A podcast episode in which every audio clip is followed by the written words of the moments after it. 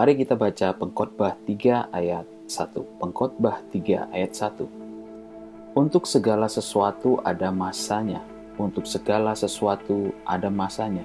Untuk apa pun di bawah langit ada waktunya. Untuk apa pun di bawah langit ada waktunya. Apa yang menjadi prinsip Anda dalam hidup ini? Apa yang membuat Anda bertahan sampai saat ini? Dan apa yang menjadi kebanggaan Anda. Tahukah Anda, baik sistem maupun kekuasaan ataupun kekayaan, apa pun itu, jika asalnya dari dunia ini, maka akan habis pengaruhnya, hilang kuasanya, dan rusak. Tidak ada yang abadi di dunia ini. Hidup akan berjalan begitu dan berputar sampai suatu saat kehilangan tenaga dan kekuatannya untuk bergerak anda akan menua, kecantikan akan hilang, yang tertinggal hanyalah bayang-bayang semu, namun tidak bisa diulang kembali. Segala sesuatu itu ada masanya, semuanya ada waktunya, dan apa yang menjadi kesenangan akan hambar tanpa nilai. Namanya juga fana.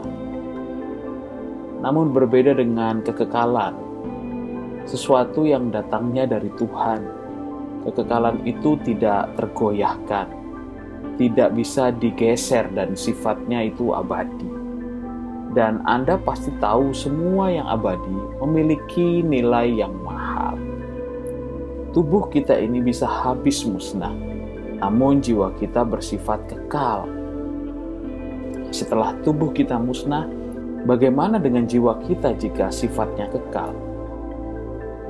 Mari kita baca di Matius 10 ayat 28. Matius 10 ayat 28. Dan janganlah kamu takut kepada mereka yang dapat membunuh tubuh dan janganlah kamu takut kepada mereka yang dapat membunuh tubuh tetapi yang tidak berkuasa membunuh jiwa.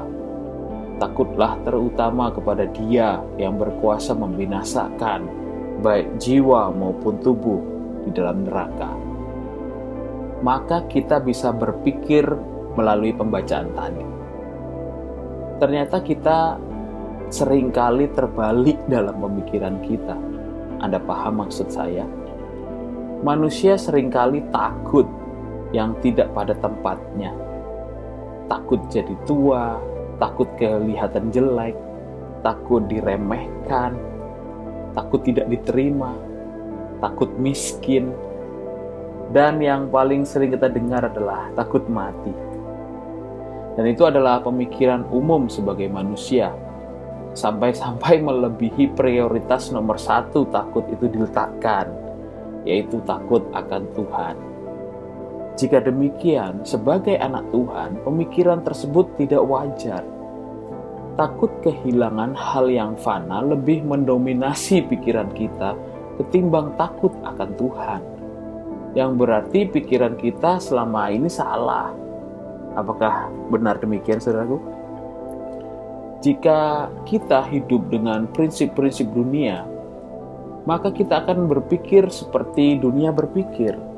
Namun, jika kita sebagai anak-anak Tuhan, maka tentunya cara kita berpikir seturut dengan kebenaran firman.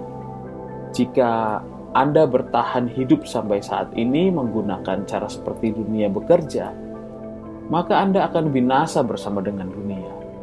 Jika kebanggaan Anda adalah semua hal yang bernilai fana, maka itu semua akan ditempatkan dalam kehampaan yang tidak mempunyai nilai.